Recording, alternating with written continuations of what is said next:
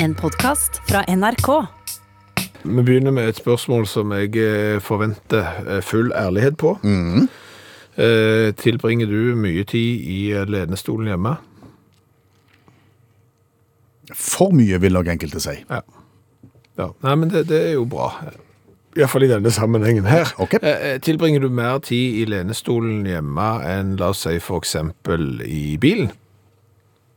Ja, Ja. betydelig mer tid i, i lenestolen hjemme.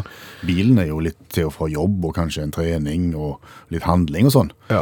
Små ting. Ja, så du driver liksom ikke på sånne og kjører øst-vest sånn hver dag med, med langtransport og sånn? Nei, og le, lenestolen der er det gjerne tre timer. Før jeg reiser meg og henter ting og, og går tilbake igjen og tre timer til. Men, men i, i bilen, Ja. i, i setet der, har du varme der, du? Ja. Ja. Har du det i lenestolen? Nei. Nei. I, i bilen, eh, i bilstolen der, kan du elektrisk heve setet opp og ned?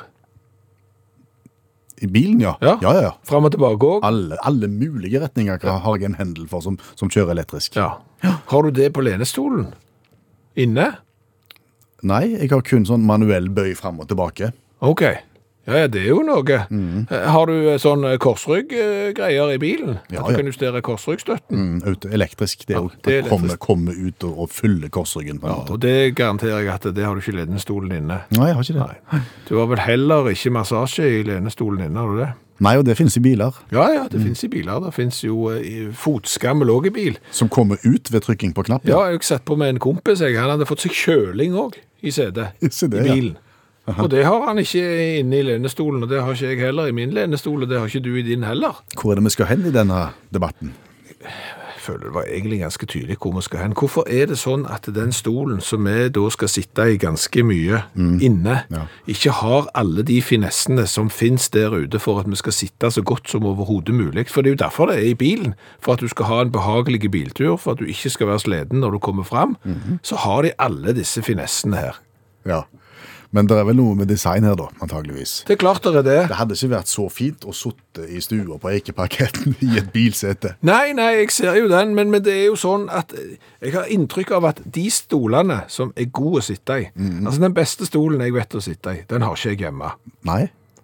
Og den hadde jeg sikkert ikke fått lov å ha hjemme engang. Og jeg er helt bombesikker på at hvis du hadde gått i butikken, prøvesatt de stolene som var i butikken, den du syns var aller best å sitte i, den hadde ikke du fått lov å ta med deg hjem. Hva heter den? Recliner. Ja, det er litt sånne s- kjempestore tunge det, med, med mye finess.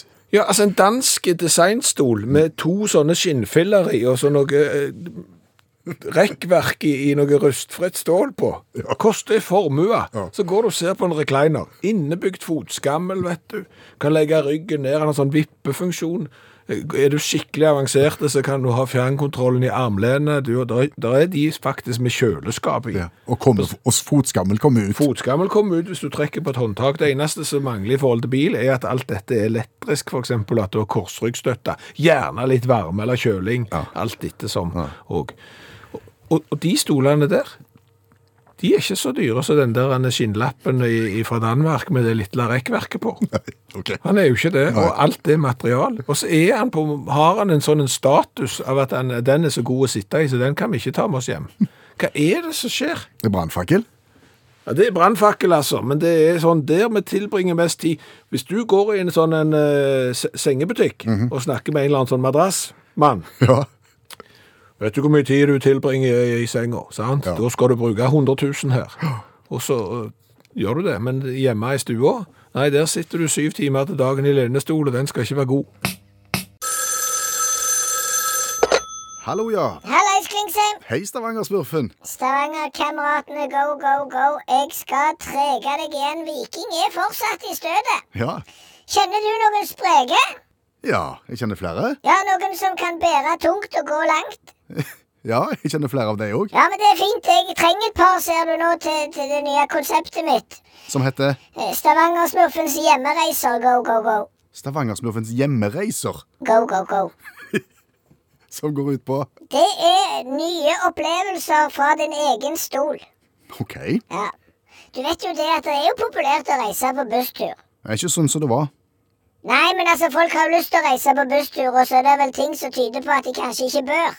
Du har fått med deg det? Mm. Ja, ja, ja. ja, Så da tenkte jo jeg, vet du, da begynner det å boble oppe under her. Mhm. og, og så klekker jeg ut den ene geniale ideen etter den andre. Og da tenker jeg, hvorfor ikke da reise på busstur hjemmefra? Ja, det er jo stort sett det du gjør, er det ikke det? da? Å ja, sånn ja. Ja, nei, altså, reise på busstur hjemme uten å dra hjemmefra. Du sitter bare hjemme og er på busstur. Da er du ikke på busstur. Nei, du er jo ikke på busstur, men det er jo bedre enn ingenting. Hva er det du skal gjøre da? Da er det sånn at vi har jo da fått tak i sånn et stort, svært kamera som vi har festa på, på taket på bilen til kajakken. Ja, er han frisk igjen? Ja, det er verken bedre eller verre. For å si det sånn. Det er sånn som det pleier, men han har kommet seg etter den der innleggelsen for vepsastikker. De heiv i han noe adrenalin, og så kom han seg. Han var veldig pigg når han kom ut. Godt. Ja, ja, Så da sendte jeg han ut på biltur. Ja. Så har han dette kameraet på bilen, og så filmer han da den første reisa vi skal ut på nå, så er sånn Stavanger, Hardanger og Rjukan og Telemark og Gaustatoppen og hjem igjen. Jeg tror du skal forklare hvordan dette her skal fungere i praksis. Ja, da filmer han det, Ja. og hvis du har lyst til å reise da med Stavangersmurfens hjemmereiser, go, go, go, Ja. så sender jeg en startpakke til deg. Bestående av En oppblåsbar buss. og Så du kan blåse opp inn i stua, og så sitter du inni den, og så ser du bare på skjermen din, og så ser du filmen som kajakken har filma, og så guider jeg deg da på busstur. Og så er du liksom på tur, da, ja. Ja ja, og så har du- får du med kassett.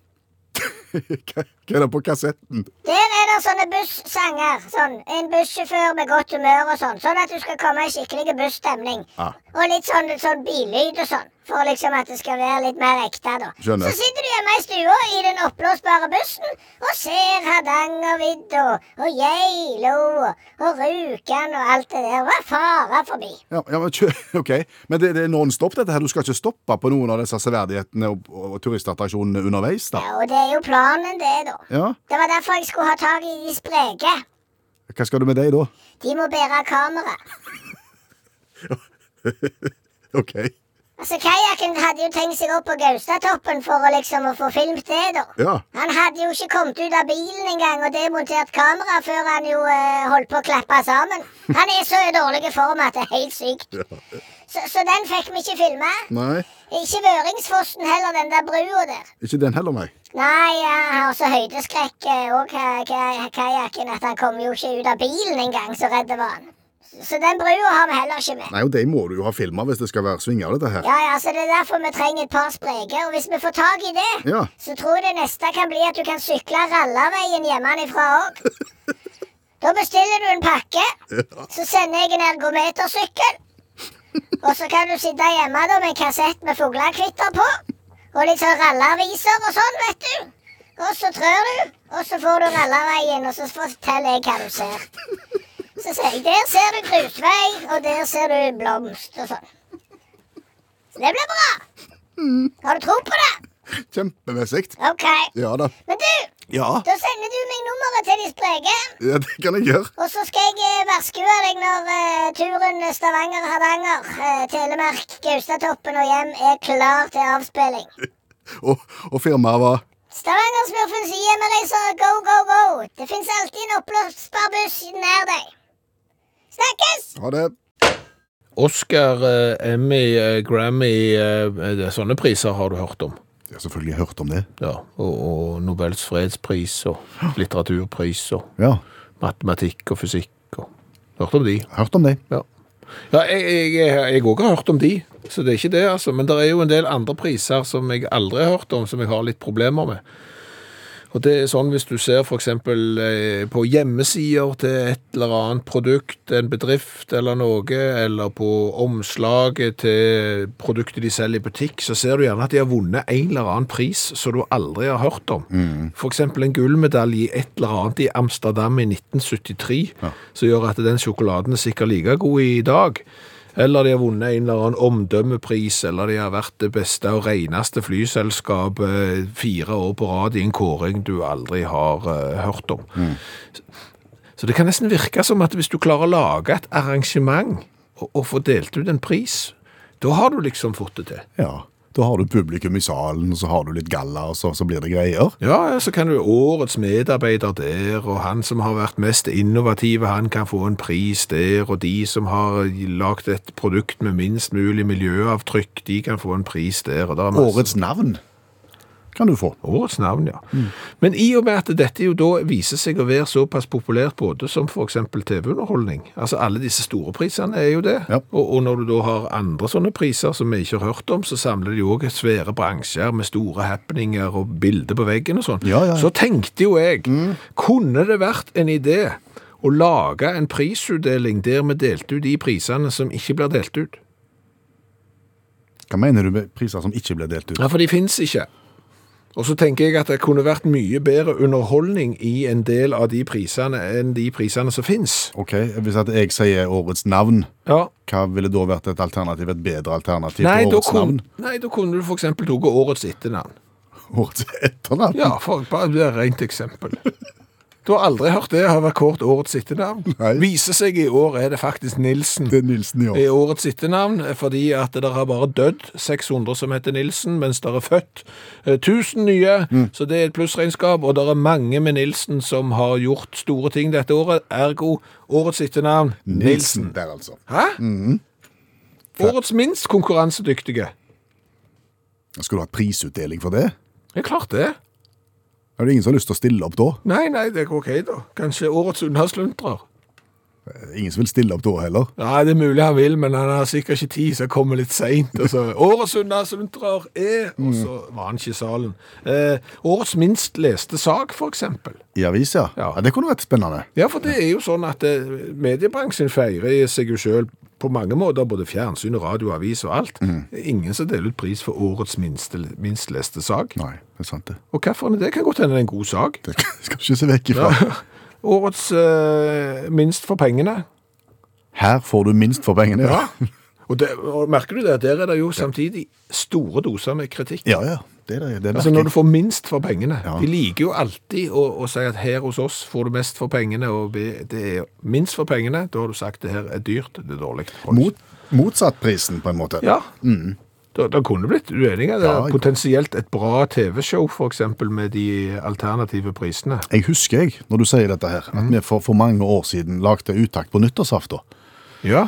Og da skulle vi jo lage en sånn kavalkade med årets ditt og årets datt. Ja. Og da lagde vi motsatt kavalkade, og da husker jeg da kåra vi det bandet i Norge som hadde spilt for minst publikum. Ja. Ja. Ja. Og Det var en duo fra Stavanger. Ja, de hadde spilt for halvannen. Ja, konsert med halvannen. Og hvorfor ble det halvannen? Nei, for det konserten begynte med to i salen da. Det var én betalende, og så var det bartenderen. Og så viste det seg at han da, som hadde betalt for å komme inn, han betalte òg ganske flittig i baren, så han ble såpass kanakkas at bartenderen måtte hive han ut midtveis i konserten, og da var det bare bartenderen igjen. I dag kunne vi lese på eh, nrk.no saken om at høye hus i Norge gjerne fører til at syklister og fotgjengere detter over ende når det blåser mye. Ja, Er det fordi at det blir litt sånne rare vindtunneler og på en måte vindformasjoner? Ja, ja, ja. Og nå mener forskere at vi må tenke oss om når vi skal da bygge høye hus i framtida. Men da begynte jo jeg å tenke. Altså, De husene som er høye i Norge, de er jo ikke høye. Nei, hvis du sammenligner med hus som virkelig er høye. Ja. Nei, det har du rett i. Og, og hvordan er det da, f.eks. hvis du er ute og sykler eller går i en annen by? Ja, det kan du si. Altså, Allmennlærer med to vekttall i musikk, Olav Hove, det er du som gir oss perspektiv inn i dette programmet her. Mm. Eh, høye hus i Norge, finnes de? Nei.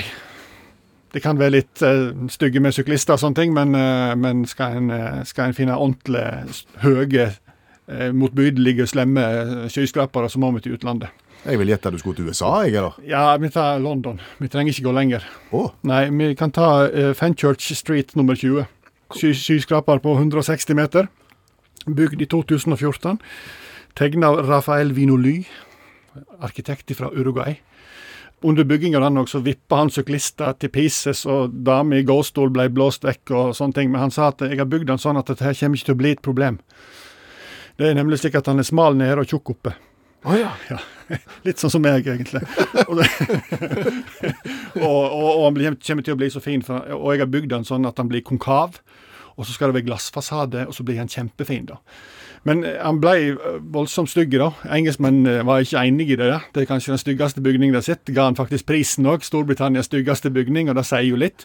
Så, så Vinoli ble jo forbanna, selvfølgelig. Og så var det akkurat så at skyskraperen hevna seg på, på engelskmennene, for det begynte å skje mystiske ting.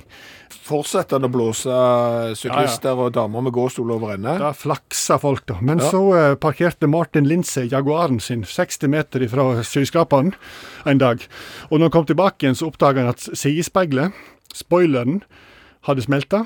Og inni så var dashbordet i ferd med å renne ned i setet, som det står i avisartikkelen. 60 meter fra denne her. Ja, han, han anmeldte jo dette til politiet, da. sant? Og politiet kom og tykte dette her var mystisk, eh, og lurte på om det var noe spesielt i nabolaget, da.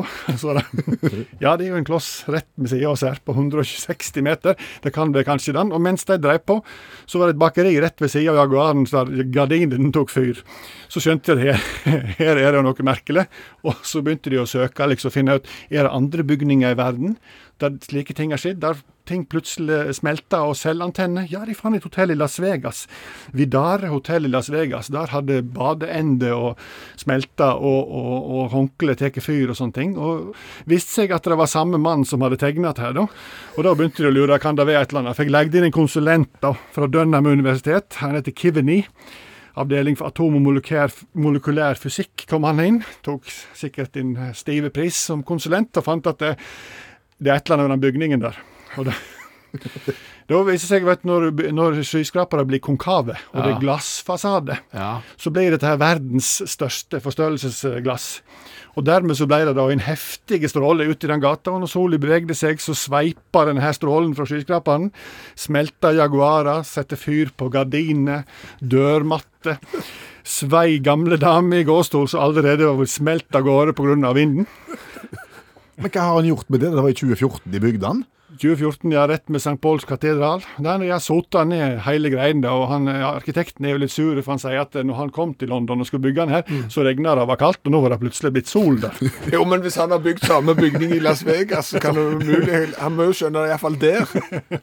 Da tror jeg jeg er pirk for den godeste uruguayeren. Men sånn er det. Det er skyskrapere som er verre. Tusen takk for det perspektivet, allmennlærer med to vekttall i musikk, Olav Hove. Hva er det med bein? Hva det er med bein? Ja, altså eh, føtter, liksom. Hva, hva er det som er så tillitvekkende med bein? Altså, hvis du har du bare bein, ja, da er det alle tiders. Da er det en kjempeting. Hva er det som ikke har bein? Slanger, for eksempel. Har ikke bein. Nei. Altså, kjenner du mange som for eksempel, hvis de ser ei firfisle, hopper i været, blir livredde og springer i panikk? Nei. Nei. Egentlig, det er litt sånn eh, eksotisk koselig på en måte. Ja, lite og firfisle. Men, men ser du en liten eh, stålorm, eh, buorm, slett snok eh, eller noe sånt? Hva er en slett Har snok? ikke peiling. Det, det er en slange. Ja. Så, så eh, brøler de. Og du tenker da at det er beina som er forskjellen på slangen og firfislen? Ja, så tar du vekk beinet til firfisla, så er du jo stort sett på en sånn liten slange. Det, det er jo ikke langt ifra iallfall. Nei. Og da hadde panikken oppstått. Så det er noe når du tar av beina på noe, da blir det plutselig mye nifsere. Blå manet har ikke bein. Ja, det har ikke fisk heller. Er jo inni seg. Ja, men du må ikke Vi er på land nå. Ok. Ikke, ikke ødelegg et godt, veldig godt resonnement med å k- dra inn manet. Ja. Jeg er ikke redd blå manet. Men OK, jeg skjønner hva du vil. Ja, Ja da. men vi er jo ikke enige. Jo, øh, og jeg tror det skyldes forestillingen om at øh, slanger og orm er jo farlig. Det er noe vi har sett på film, og vi har øh, liksom, vi tenker med en gang vi ser en slange, en orm, Ja. så er det skummelt. Ja, altså, i Du, du Norge- assosierer nifst. Ja, ja, men i Norge er det jo én eh, slange, en orm, da, som eh, er farlig i gåsøyne. Ja. Altså, og det er jo hoggormen. Ja. Eh, eh, Stålorm har jo sj- sjelden skada mennesker, liksom, selv om man da kan skape panikk. Men jeg skjønner jo det med at når de blir store Altså Får du en sånn en stor sånn pytonslange eller en boaslange, eller noe sånt, så ser jeg jo at det kan skape panikk. Men, men da er det jo litt rart at folk da ikke liksom får den samme assosiasjonen når de da f.eks. kommer over firfisler. Fordi at det der er jo farlige firfisler. Altså, De er jo litt større enn den norske, eh, men de ligner jo òg på Firfisler ligner jo òg på en varan. Hva er en varan? Eh, Det er Høres ut- Høres ut som en Volkswagen-modell. Ja, Volkswagen Varan, en sånn campingbil. Eh, Nei, det, det er jo ei stor firfisle. Ligner liksom. Ok. I, på en måte den. Er du på vei mot krokodille? Du er på grensen. Ja, du er helt på grensen til krokodille. Eh, Ja, det var godt. Sant? Ei stor firfisle, Ja. krokodille. Men du er ikke redd for firfisler, du er livredd for krokodillen. Mm, så der assosierer vi ikke på samme måte, nei. Nei. Og da mener du det er beina som gjør det? Jeg mener at det utelukkende er beina. Altså, tar du, av noe, tar du beina av noe, så blir det fryktinngytende på et vis. Ok. Ja. Vet du hvordan du skal rømme fra krokodille, forresten? Jeg vet ikke om det samme gjelder firfisler, for det har jeg aldri hørt om. Men, Altså Hvis jeg har en krokodille i hælene, ja. ja, er det et triks for å stikke av? Det vil jeg klatre opp i et tre, tror jeg. ja, det tror jeg funker. Jeg har aldri sett en krokodille som klatrer i et tre, så det er, det er for så vidt det. Eh, Nå ble jeg litt usikker på om det jeg har hørt er sant. Men jeg har hørt du skal springe i sikksakk. Jøss. Ja, men jeg vet jo at krokodillen springer i full og full fart, Ja. så, så du, du, du senker jo farten ved å springe sikksakk. Jo, men jeg tror det har noe. Jeg tror eh, krokodillen er sånn passgjenger. Meaning. Altså hvis du... Ja, han har jo fire bein da, så det blir jo litt vanskelig, men jeg tror at krokodillen springer med at både høyre framfot og høyre bakfot går frem, Mm. eh, mens venstre... Altså det er, Det er litt sånn vralting. litt vralting, og det er derfor jeg tror han har litt grann av problemer med retningsskiftet siden han spi, springer i passgang. Å ja. Det har jeg hørt om. Ok. Det kan være feil. Det Så kan. Mm. nå er det kanskje, sitter det en zoolog på et eller annet gjere, og, og, og... Og hopper snart ned. Ja. Vet du hvordan du skal vite om eh, du blir spist av en krokodille eller en alligator? De ser jo til forveksling ganske like ut. Altså, Krokodillen jeg er og sikkert ikke alligatoren. zoologen som sitter på gjerdet nå, men vi Ja, får nå, oss har- andre. nå har han gått. Ja, ok. Ja, eh, nei, hvor, hvor? Altså, hvis jeg blir spist av enten en krokodille eller en alligator, Ja, Hvordan kan du vite hva du egentlig blir spist av? veldig interessant problemstilling, for det er sannsynligvis det siste du tenker på. Ja. Men Nei, Hvis han spytter deg ut, Mm. Ja. så er det en krokodille.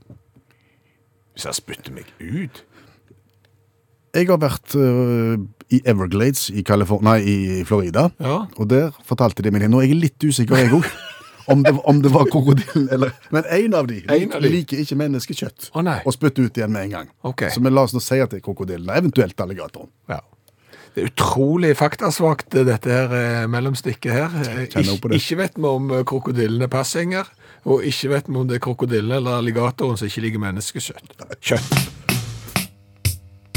Og da har vi kommet fram til programposten Kveruleringsminuttet, og du har bedt om å få ordet. Ja, eh, for det går jo an å kverulere på mangt, og egentlig så er det jo ingen som liker en kverulant. Nei.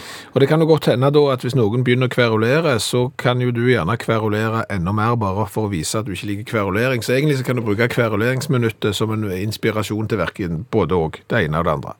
Det er et veldig godt utgangspunkt for en programpost, tenker jeg. ja jeg synes også det. Eh, Jeg eh, har noe jeg gjerne vil kverulere bitte litt over. Ok. Eh, Støvletten. Mhm. Altså dette fottøyet. Ja. Er det eldre enn Italia?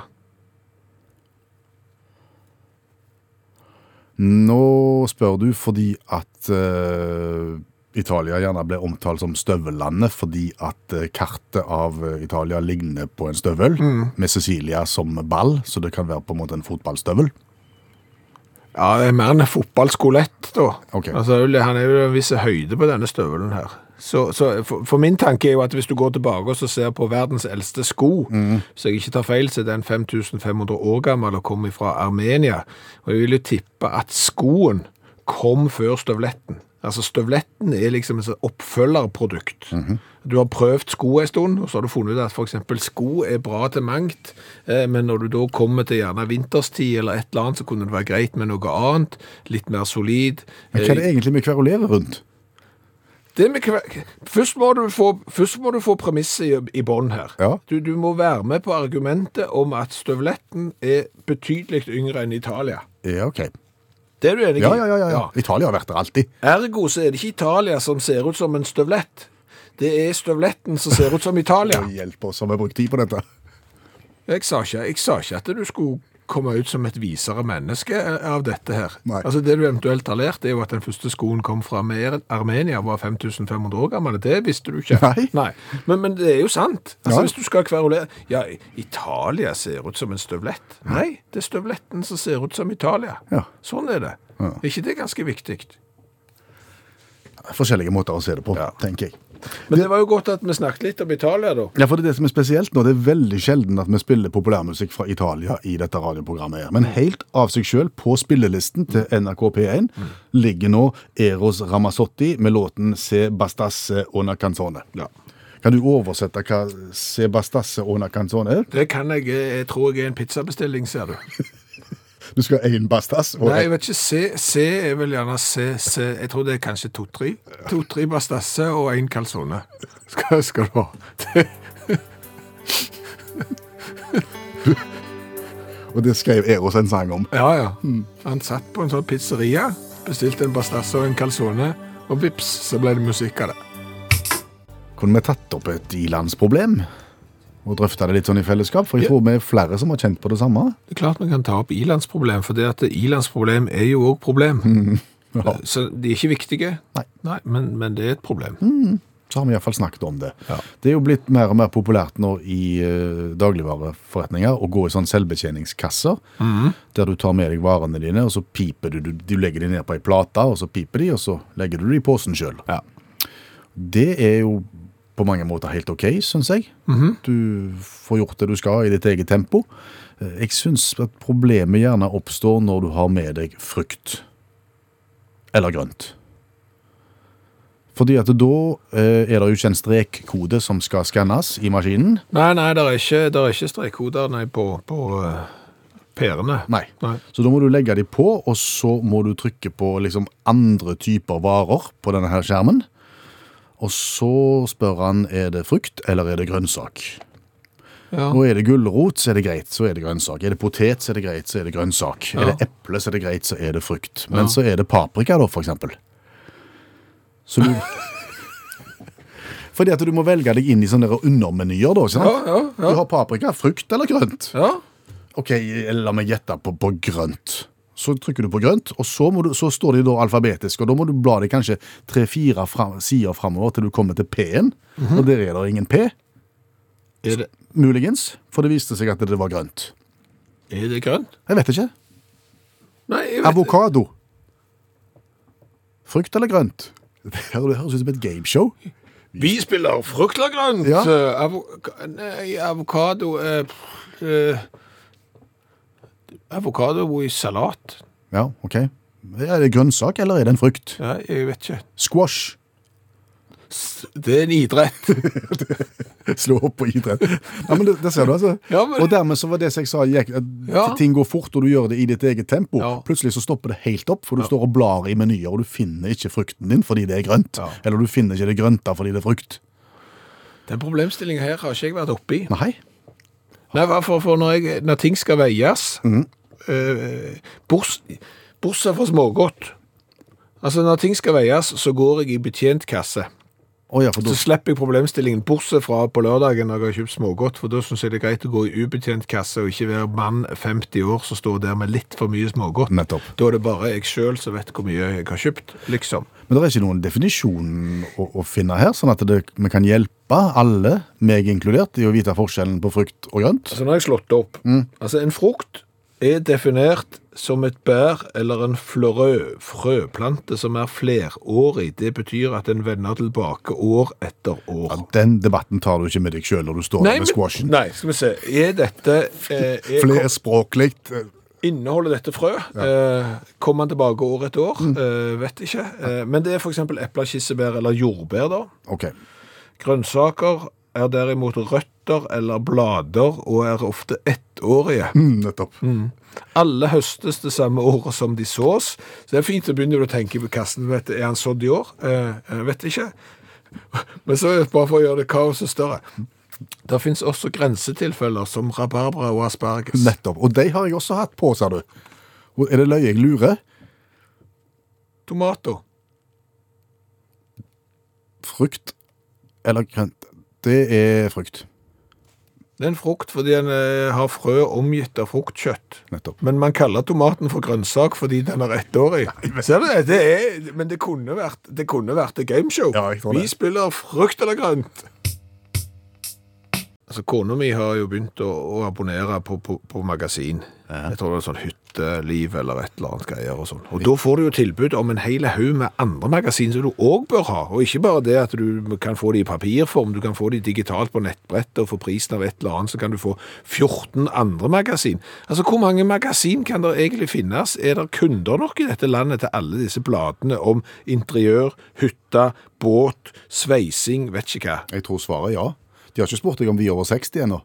Ja, det er vel rett før. Det er like før, sa du. Ja, det er det. Men du, altså, opplagstallene for aviser og denne type tidsskrifter kommer jo nylig nå. Ja. Og der ser du jo den der vanvittige lista, som du sier, av all verdens eh, tidsskrifter og blader. Og spørsmålet er hvor smalt kan det egentlig bli? Nei, jeg vet ikke jeg.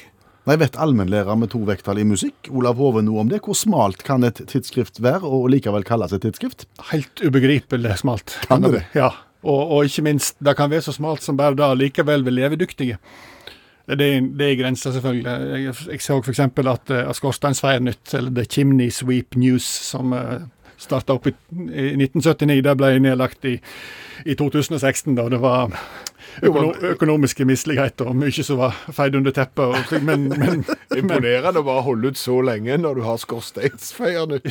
Ja, det, ja, det, ja, det er kjempe. Og det samme var for så vidt med miniature donkey talk, altså miniatyreselsnakk. Ja. Samme, samme, samme tidslengde, da, eh, drev det magasinet på. Da, til tross for at de ikke bare snakket om miniatyresel, de snakket òg om s- store, konvensjonelle esel, da.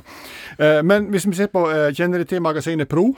Nei. Det er magasinet for portable toalett- og sanitetsanlegg. Um, det begynte å bli, st- eh, oppstod i 2008. Seks magasin i året. Gjør det visst kjempegodt. Eh, året- Dette magasinet som kom ut nå, i forrige uke, der har der har de via mye tid til, til Robert og Wendy Garland, som er de portable doene sine, Grand Old Man og Woman. Um, stort opplegg. Og, og det går videre. Emu Tomorrow. Nei, EMU Today and Tomorrow, unnskyld. Handler om et, et Ikke magas- se det handler om emu, eh, fuglen som ikke kan fly. Jo, det er et tilbud til emu-bønder og folk som har over snitt interesse for strutselignende fly- fugler som ikke kan flyge. Ehm, fire utgaver i året. De kan abonnere til Nor sende til Norge òg, jeg har sjekka. Eh, 250 kroner koster det. Ehm, og Kommer det, kommer det noen flygeblad, da? Nei, de kan ikke flyge. Leste, skumleste, jeg må innrømme det. og Skumleste hovedartikkelen for dette det, mag høstens magasin, som er der inne er veldig opptatt av det å utnytte hele emuen. da. Artikkelen heter det 'Emu ikke bare kjøtt og olje'. Ja, der er det. Jeg var ikke klar over at emuolje var sånn et fantastisk produkt, da, men det kan brukes til alt mulig. Ok. Lindre på dager og smøre hengsel, og det er imponerende greier.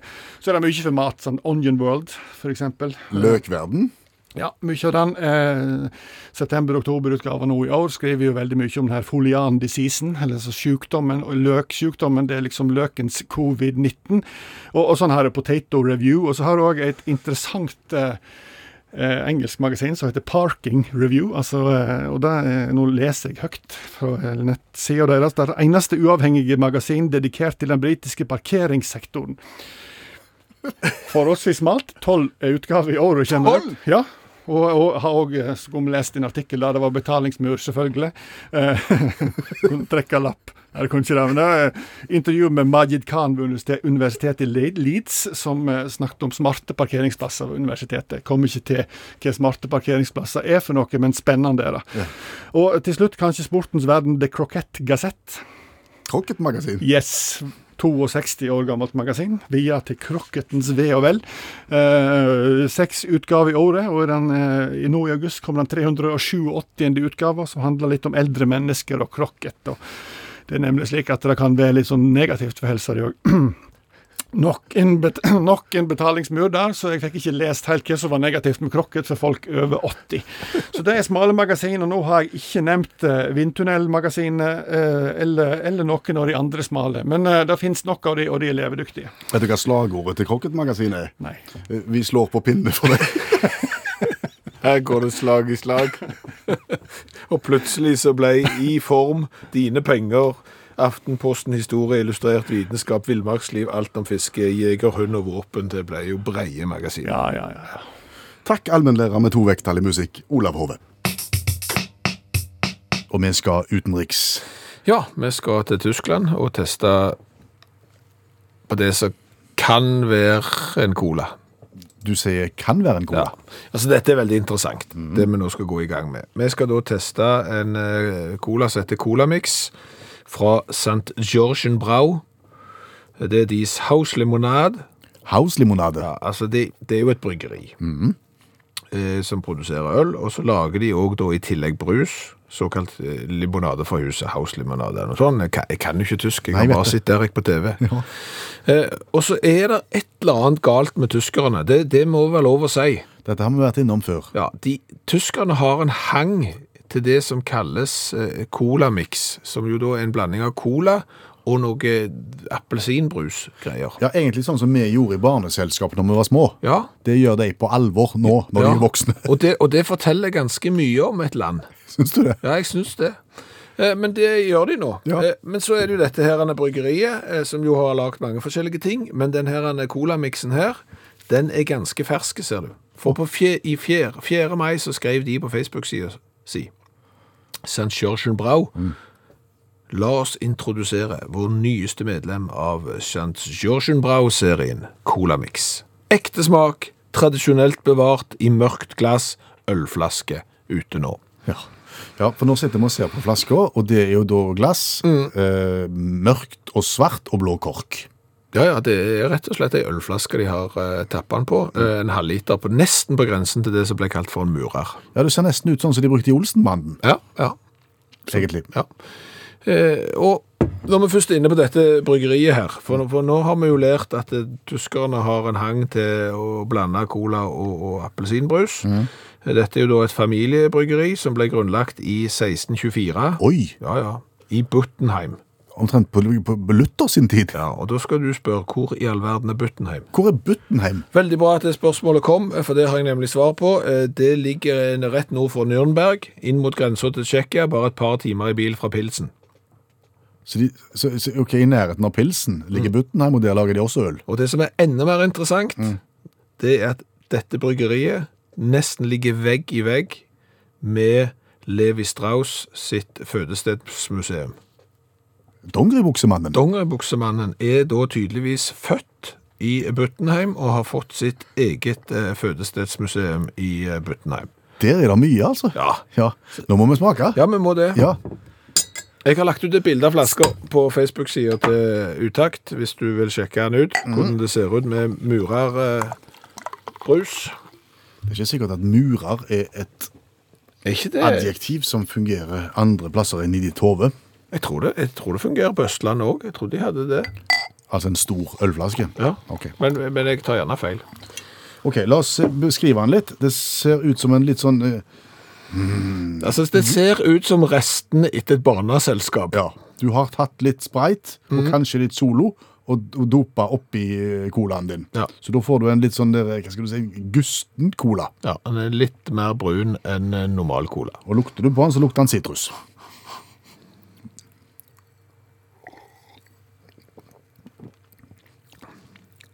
Og smaker du på den, så smaker den sitrus. Ja, det er jo ikke et spor av cola i dette greiene her. Nei, det er jo ikke det. Nei. Mm. Det er ganske godt, da. Det, det er den beste blandingen vi har smakt. Vi har vært innom ganske mange av de der Mesomix og forskjellige. De har ikke vært gode. Dette var jo på grensen til rørende. Ja, men, men men colafaglig så er det katastrofe. Så, så vi, kan, Mm. Å, ja. vi kan ikke gi god karakter for cola her. Nei, det kan vi ikke. Nei, nei, nei, det er, det er jo to eller én i colasmak. Fins jo ikke colasmak. Ja, vet du hva, du, du, kan, du kan ikke gå ned på én. Nei. Fordi at der er, du har smakt på gjæra ting fra eh, Fra Sør-Korea. Sør-Korea og sånn. Du, du må aldri glemme. Og du har smakt på cola de har tilsatt eh, kirsebær i og sånn. Ja, nei, sant. Ja. Det er greit. Eh, men Jeg tror vi skal si tre, jeg, da. Ja, da sier jeg det.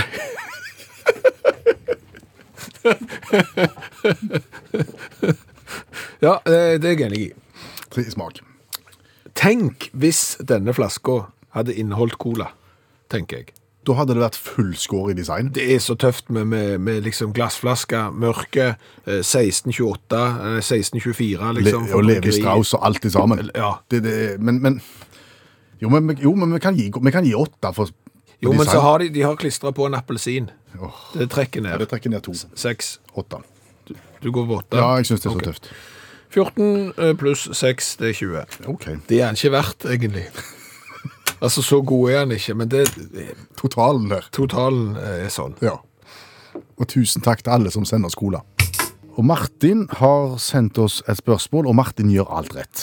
Vi er så svake for, for smiger at det er nesten på grensen til flaut. Det er litt pinlig, altså, hvor enkelt vi bare liksom snur kappa etter vinden og sier OK, da. Altså Når Martin begynner 'Hei gutter, takk for flott program', utakt er et av de aller beste vi har i Norge. Da leser vi videre. Da er, da er vi med på alt. Ja, da. da. Da, stiller vi opp 100 uansett. La oss komme til saken. Han har, s- han har sendt oss noen gode tanker. Ja, det er et veldig interessant spørsmål fra Martin, faktisk, selv om det begynner med smiger. Eh, Og det er jo det at eh, Se opp på himmelen, og se på ei sånn ei stor regnværs- regnværssky. Mørk og grå. Mørk og grå. Ja. Alt det vannet oppi den skya der Aha. skal jo på et eller annet tidspunkt ned på bakken. Yes. Og når det da kommer på bakken, så fyller det kummer, det fyller svømmebasseng, det fyller veier og hull i terrenget med vann. Eh, og det da Martin påpeker, det er jo at den der skyen som henger der oppe, den er blytunge Ja, det er blytunge, ja. av alt det vann. ja. Men der oppe er han. Ja. Og, og han detter ikke ned før han har tenkt seg om. Nei. Nei. Hva er det som gjør at skyer som inneholder tusenvis av kilo, altså mange tonn med vann, ikke detter ned? Han kan også sågar bevege seg f- fram og tilbake der oppe over lange avstander med den voldsomme tyngden. Hadde du heist opp et svømmebasseng Mm. i lufta Jaha. og sluppet det, Badusj! så hadde det ikke blitt der oppe. Nei, det hadde gått rett ned. Du kan til og med hive fjør, og de òg liksom omsider kanskje så dette de ned. Små bomullsdotter og, og sånn, men tunge skyer. Nei, de. Jeg, jeg blir her oppe, jeg, iallfall en stund til, Mm. til dere skal ha sommerferie. Eh, da Ja, men da detter jeg ikke ned på en gang da heller. Da slipper jeg litt og litt. Ja, det kan du gjøre. Ja. Ja. Ok, dette lurer Martin på, og vi lurer jo også på det, og har jo ikke svaret. Nei. Derfor så kontakter vi da statsmeteorolog Magnus Haukeland og spør hvorfor detter de ikke ned. Ja, nei, det er rett og slett sånn at um, selv om ei eh, sky veger veldig mye um, eh, samla sett, så må en nesten se på ei sky som en samling av veldig mange eh, små vanndråper, da. Og eh, disse små vanndråpene eh, de er ikke så utsatt for eh, tyngdekraften, de er mer utsatt for eh, ja, eh, luftstrømmer og friksjon, som eh, som utgjør eh, om de holder seg oppe eller går ned. Så det er først når eh, vanndråpene eh, blir større, da, at de, eh, de blir påvirka mer av gravitasjonen og, og detter ned. Eh, kan sammenligne dette her med olje som flyter på, eh, på vann. Eh, skyene har eh, rett og slett en lavere tetthet enn eh, tørr luft. og Derfor eh, ligger de på en måte og flyter på den tørre lufta under. Det er akkurat samme som olje som ligger og, og flyter på, eh, på vann. Da. Så en kan se på det på den måten der. Men er det sånn at de av og til binder seg litt mer sammen da, de individuelle regnpartiklene, og da blir de så tunge at de, de bryter overflaten og detter ned? Ja, det er ofte sånn at eh, når det er nok eh, Nok vannpartikler, så vil de nok eh, Ja, så vil de, som du sier, vokse sammen, og eh, ja, de krasjer rett og slett og blir til større eh, vanndråper da etter hvert. Spesielt når vi får eh, I stedet for å ha oppadstigende luft, og får, vi får mer nedadstigende luft, da da krasjer mer av de sammen, og de blir større, og de detter ned. Skjønte du dette, Skjæveland? Ja, jeg tror faktisk det. Og, og hvis jeg skjønner det, så tror jeg det er ganske mange ans- andre som skjønner det òg, for her oppe er det ikke mer enn det må være. Tusen takk for den orienteringen, statsmeteorolog Magnus Haukeland. Jeg ble litt eh, inspirert av eh, din historie fra kassen i kolonialen. Fra selvbetjeningskassen, Ja. der jeg leser strekkodene sjøl. Har du kontroll på strekkoder? Hva mener du med kontroll på strekkoder? Hvordan de virker? Det virker sånn at jeg har en, en, en, enten en slags sånn pistollignende ting, eller bare ei plate, Mm. og så legger jeg bare på en måte den strekkoden ned til den, og så sier det pip, Ja. og så vet maskinen hva for en vare jeg har, og hva den koster. Jeg tror de oppsto i midten av 70-tallet.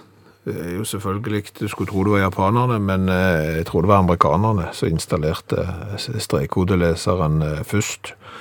Så det er den unike sammensetningen av streker da, som avgjør hva for en vare det er, og hva den koster. Nei, Det er det ikke, nei. det er det ikke. Det er den unike eh, rekka av mellomrom. Mellom Strekene.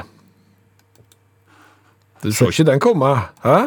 sier du at strekkodeleseren leser mellomrommet mellom strekene og ikke strekene. Se for deg en strekkodeleser. Nei, en strekkode. Ja. Det er sånne s- svarte pinner, Loddrette streker. blådrette pinner, og, og imellom der så er det noe annet. Ja, Der er det ikke luftkvitt. Kvitt eller en annen farge eller noe sånt. Ja, Hvis du har vært på Ikea, f- og, og, for eksempel, så, så ser du dette for deg. For der står du da med en sånn en pistol i hånda, og så peker du da på strekkoden, og så ser du at når du, i det øyeblikket du peker, så får strekkoden en farge, han får et lys Ja. ifra strekkodeleseren. Det lyset der skal reflekteres tilbake igjen, sånn at eh, apparaturen fanger opp strekkoden. Ja. Svart lys reflekterer ingenting, det. Nei, men det gjør det ikke hvite. Det gjør det hvite. Det gjør mellomrommet. Nå lærte jeg noe nytt. Ja. Jeg vet ikke om det er viktig.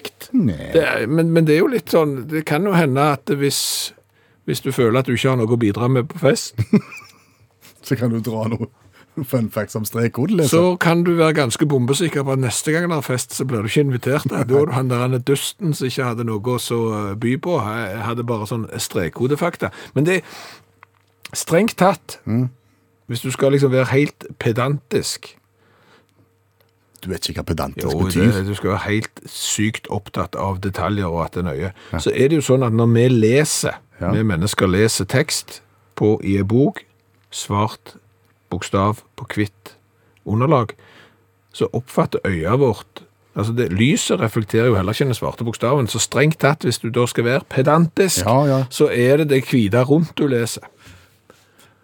Så når jeg lærer på barneskolen å skrive en A, så lærer jeg egentlig så, også på en måte alt det hvite rundt den der A-en jeg har tegnet. Ja, det blir jo re- rent For å sånn- være helt pedantiske. Ja, så, så, håper det ordet er rett. Hvis ikke har vi brukt det tre ganger nå, uten at vi vet hva det er. Det er særdeles svakt. Ja, det er det. Mm. Ja. Men, men da har vi lært det. Altså, det du, du svart eh, reflekterer jo ikke noe, det er jo derfor det er svart. Eh, Så dermed så må strekkodeleseren lese mellomrommet.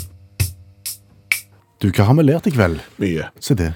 Vi har blant annet lært at de aller fleste av oss Mm. tilbringer nok mer tid i godstolen hjemme i stua enn vi gjør i bilstolen. Ja. Selv om vi reiser på bilferie en gang iblant og kjører på hytta, så, så blir det l- ikke nok i forhold til alle de timene vi sitter foran fjernsynet, for eksempel. Og allikevel så er det sånn at det er bilstolen som er designet med alle mulige finesser for at det skal være så behagelig som mulig å sitte lenge i ro. Mm. Du har elektrisk hev og senk, og massasje har noen, og kalde og varme luft, og varme kabler. Du har ikke det i stua? Nei, du har ikke det. Nei. Der har du gjerne en dansk skinnlapp med noe metallrekkverk på, som skal være utrolig eh, flott å se på, men, men ikke så god å sitte i, kanskje. Det er jo litt rart. Eh, Så har jeg lært av deg at du sliter eh, med å skille mellom frukt og grønt. Ja, når jeg skal betale i sånn selvbetjeningskasser. Ja. Hvis jeg f.eks. står med en paprika, Ja. så skal jeg trykke for frukt eller skal jeg trykke for grønt? Ja, altså det er vanskelig, fordi at eh, mange tenker på paprika som en grønnsak, men paprikans mange frø gjør at den faller inn under fruktkategorien. Tar du for eksempel auberginen da, som ikke helt vet hva er, eh, så anser de fleste den som en grønnsak, det er visst nok en frukt. Sant? Og sånne problemstillinger får du. Ja. Men da får jo du hjelp av Jan Ove Som sier at det, når du går i en sånn selvskannerkasse, Mm. så skal du vite det at du kan skrive inn navnet, og så søke det opp på den måten. Å ja. Men det forutsetter jo da at du vet hva du har handla. Og hvordan det skrives. Ja. ja. Eh, så det kan bli litt underholdning av det òg. Eh, så har vi jo lært det at hvis du er i London en gang, Ja. når verden åpner opp igjen, og ikke så langt ifra St. Paul's Cathedral, så skal du se etter et høyt, eh, konkavt hus på ca. 160 meter. ja. Det har skapt mye bråk og problemer. Ja. For eh, ikke nok med at eh, når vinden blås- er på det sterkeste, så blåser der eh, syklister og fotgjengere over ende, men når sola da skinner på denne konkave bygningen, så blir det sannsynligvis verdens største forstørrelsesglass. Som kan skape brann i 60 meters avstand. Ja, satte fyr på gardiner på nabobakeriet, eh, smelta da speilet og interiøret i en Jaguar, for eksempel. Så Nå, det- nå har de sota vinduene i dette bygget, så nå er det ikke farlig lenger. Så har vi lært at verdens eldste sko, den er ca. 5500 år gammel og er funnet i Armenia. Ja. Det kan jo være interessant eh, å, å vite. som hun lærte at tyskerne har en hang til å blande cola og appelsinbrus. Og det kan de strengt tatt bare slutte med, men det forteller kanskje mer om tyskerne enn noe annet de har gjort. Jeg kom på et par ting til, så forteller ganske mye om de.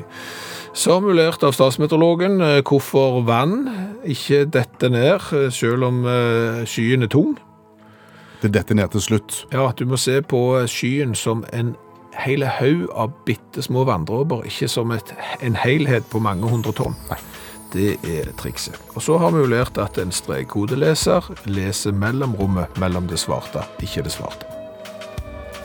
Jeg er helt enig med deg. Det har vært et sedvanlig lærerikt program. Ja, det kan, det kan, det kan ikke fortsette. Du har hørt en podkast fra NRK. Hør flere podkaster og din NRK-kanal i appen NRK Radio.